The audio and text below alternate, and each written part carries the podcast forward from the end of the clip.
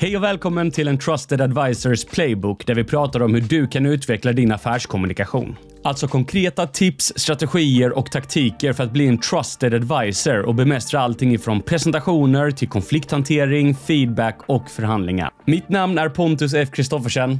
Enjoy!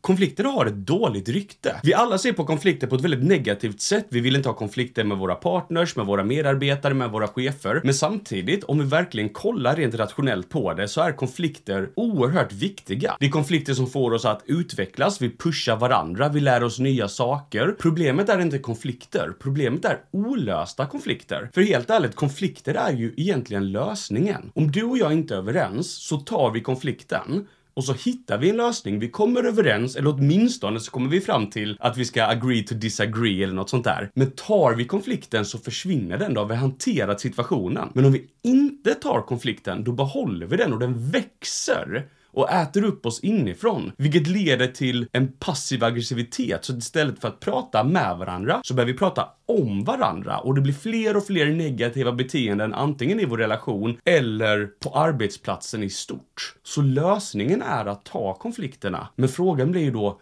hur gör jag så att jag är bekväm med att ha konflikter? Hur tar jag konflikter konfliktfritt? Och hur övervinner jag min konflikträdsla? Tänk på förra gången du bråkar med någon du står nära. Så det kan antingen vara en, en nära chef, en nära medarbetare, en familjemedlem, din partner. Men någon du står nära. Föreställ dig förra gången som ni hamnade i clinch. Så ni har en diskussion, diskussionen blir infekterad och det byggs upp en irritation. Och den här irritationen leder till att diskussionen blir ett bråk. Och när det här bråket är som mest intensivt så inser du att det är du som har fel men så fortsätter du ändå att argumentera som att allt det du sa, det stämmer. Har du gjort det någon gång? Helt ärligt tror jag vi alla kan känna igen oss i den här situationen, att vi någon gång faktiskt har gjort det här. Vi har erkänt för oss själva att vi har fel, men vi vägrar säga det högt. Och när jag tänkte på det här för 5-6 år sedan så fascinerade det mig. För hur kommer det sig att det är så svårt för oss att erkänna att vi har fel?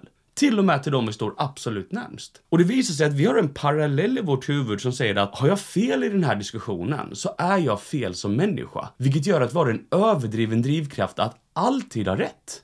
Även när vi vet att vi har fel. Så när vi har en konflikträdsla så går vi in i en konflikt och vi är så rädda för att ha fel så istället för att lyssna på den andra personen och ha en diskussion så börjar vi mata oss själva med argument så att vi kan trycka ner dem i deras hals när de slutar prata. Så det ironiska är att när vi är konflikträdda så skapar vi oftast fler konflikter. För är vi konflikträdda så går vi i försvar direkt när vi hamnar i en clinch med någon annan istället för att lugnt diskutera och se vad är det jag har missuppfattat? Varför tycker vi olika här? Så genom att behålla ett större lugn hos dig själv så kommer du märka hur mycket lättare det är att faktiskt ta konflikter konfliktfritt. Det finns en approach som jag vill ge dig som är oerhört enkel att ta med sig här. Och det är mindsetet av jag kan ha fel. Om du går in i alla konflikter, alla diskussioner där du inte är överens med den andra personen och bara går in med mindsetet jag kan ha fel och försöker börja med att förstå den andra personen. Försök förstå varför ni tycker olika innan du börjar hugga på deras argument och vad de tycker.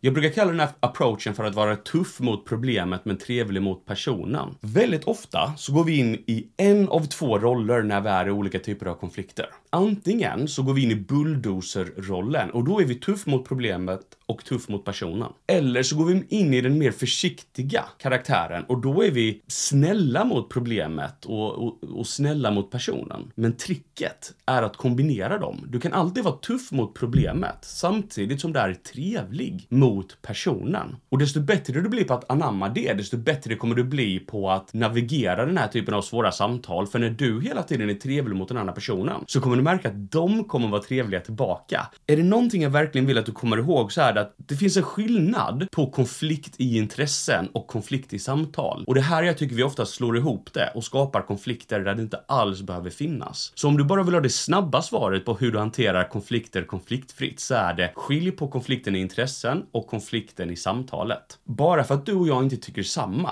jag tror inte du upplever det som en konflikt. Det är väldigt få människor som gör det, utan vi kan ha en diskussion om att jag tycker att det här är den bästa vägen framåt och du säger jag vet inte, jag tycker att det här är bästa vägen framåt. Och så kan vi diskutera vad, vad vi tycker är för och nackdelar. Och det är ju ingen jobbig diskussion att ha, men det är en konflikt i intressen för vi tycker inte samma. Problemet är att direkt när vi får den här typen av konflikt i intressen så är det så lätt att vi klumpar ihop konflikten i intressen med konflikten i samtalet. Och en konflikt i samtalet, det betyder helt enkelt att vi går in i den här clinchen och börjar säga det. Nej, det där stämmer inte, du har fel, det är så här vi måste göra. Vi, vi går in i det här att vi måste visa att vi har rätt, för har vi inte rätt så är vi fel. Och är vi fel så behövs vi inte. Och så går vi in i den här jobbiga psykologiska spiralen av försvarsmekanismer. Så ifall du bara kan bli skicklig på att komma ihåg att gå inte in i konflikten i samtalet. Även ifall de hugger på dig och säger så här, men det, det där stämmer inte. Bara lugnt säg så här, förlåt, vad är det jag missat att ta hänsyn till här? För det är ingen som kan fortsätta hugga på dig ifall du bara är lugn och försöker förstå dem. Jag brukar se det här som att du ska ta, ta dig an en, en terapeutisk approach. Och varför jag gillar den metaforen så mycket är för att om du går till en terapeut och du berättar något helt absurt så kommer din terapeut aldrig säga din sjuke jävel. Eller hur? Utan de kommer vara så här, vad tror du den tanken kommer ifrån? De försöker förstå vad som gör att du tycker som du gör. Och ifall du kan anamma den approachen, att bara försöka förstå den andra personen, så kommer du märka hur mycket lättare de här konversationerna blir. Och ska jag vara helt ärlig, jag tycker alltid det blir lite flummigt när man bara säger så här, du ska förstå den andra personen. För vi alla har hört det någon gång, att det är viktigt med förståelse. Men vad jag menar här är att det finns en dold bonus som inte alla tänker på. Den första är ju att vi faktiskt försöker förstå och vi förstår bättre den andra personen om vi låter dem prata till punkt, om vi låter dem förtydliga varför de tycker som de gör. Men vad som händer när du har den här terapeutiska approachen, det är att du attackerar aldrig tillbaka, du hugger aldrig tillbaka på det de säger. Och när du slutar hugga så kommer de sluta hugga. Och så kan jag ha en intressekonflikt utan en samtalskonflikt. Och det är hela dynamiken i att ha en terapeutisk approach, att vara tuff mot problemet men trevlig mot personen och att ta konflikter konfliktfritt. Hej, Pontus här. Jag vill bara komma med en snabb rekommendation att om du gillar det här innehållet, se till att lägga till mig på YouTube och LinkedIn där jag delar med mig av den här typen av innehåll i korta och lärorika klipp. Tillbaka till avsnittet. Vi pratade lite tidigare om det här att ni har en diskussion som blir infekterad och det blir ett bråk. När du har varit i en sån situation, har det någon gång hänt att ni kanske har gått därifrån och sen så har du kommit tillbaka efter en stund och sagt så här, du förlåt, det var inte meningen att gå på det så hårt, jag har liksom tänkt på det här nu och insett att det här och det här och det här är faktiskt som du säger. Om du har gjort det, vad har hänt då? Jag kan gissa att vad som hände var att de sa något i stil med Ja men du, det var inte meningen att gå på så hårt heller. Jag, jag, jag håller faktiskt med dig om den här och den här och den här saken. När du backar, visar ödmjukhet och försöker förstå den andra personen, så gör de det också. Underskatta inte kraften i att ha en terapeutisk approach och försöka förstå den andra personen, för jag lovar dig att det är en game changer. Jag lovar dig att du kan ta konflikter på ett konfliktfritt sätt. För ni kommer bara ha konflikten i intressen, alltså ha en diskussion om den bästa lösningen och ni kan undvika konflikten i samtalet när det blir den här jobbiga stämningen. Jag tror att du håller med om att om du bara gör det här så kommer inga konflikter direkt kännas jobbiga. För att det, det, är inte den här obekväma konflikten mellan er. Ni är bara oense om det ni pratar om och försöker hitta en lösning. Men om vi ska försöka grotta oss ner lite i hur du kan faktiskt ta kontroll över din konflikträdsla och känna dig tryggare även i konflikter när det blir en konflikt i samtalet och lite obekväm stämning. Om du försöker föreställa dig alla de obekväma sakerna som skulle kunna hända när du har en konflikt. Vad är det som poppar upp i ditt huvud då? Säg att det är att de höjer rösten mot dig. Eller säg att de har ett argument som du inte har något bra svar på.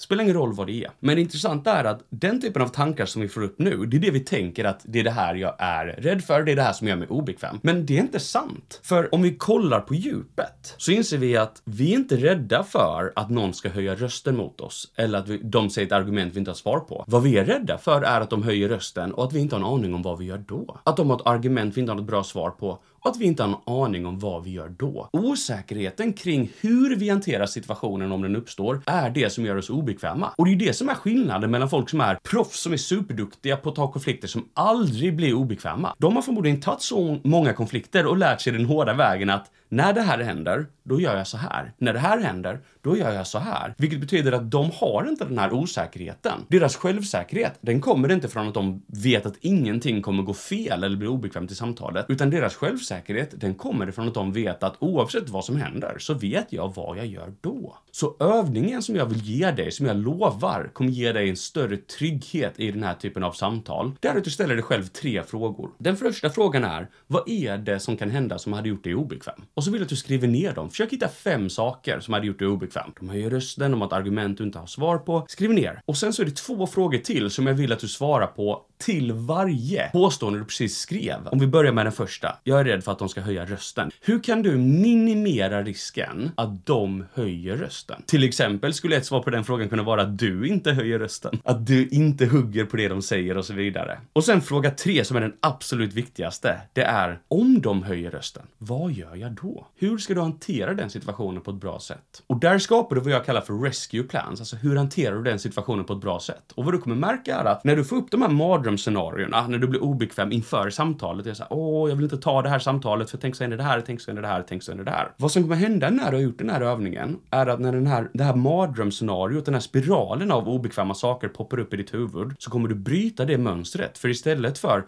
tänk så händer det här, tänk så händer det här, tänk så händer det här, så kommer din hjärna hoppa till tänk så händer det här. Nej, men det är lugnt, då gör jag bara så här. Och så bryter du den där negativa tankespiralen. Så när du gör den här övningen, svara på de här frågorna och ha rescue plans på alla de obekväma sakerna som kan uppstå, så lovar jag dig att du kommer känna en helt ny form av trygghet när du tar konflikter. Och kombinerar du det med att ha den terapeutiska approachen och vara tuff mot problemet men trevlig mot personen, så lovar jag dig att du kommer kunna ta konflikter på ett otroligt professionellt och självsäkert sätt. För att summera 15 minuter på 15 sekunder, så kom ihåg att konflikträdsla, det skapar konflikter och det är därför det är så viktigt att lära sig hantera det. Ha mindsetet att jag kan ha fel så att du går in i de här samtalen och försöker förstå före du försöker förklara. Skilj på konflikt i intressen och konflikt i samtal. Använd den terapeutiska approachen och gör den här övningen där du skapar dig själv rescue plans för de obekväma samtalen. För jag lovar dig att när du väl vet vad du ska göra om en sån här situation uppstår så kommer du känna en helt annan form av trygghet än vad du har gjort tidigare.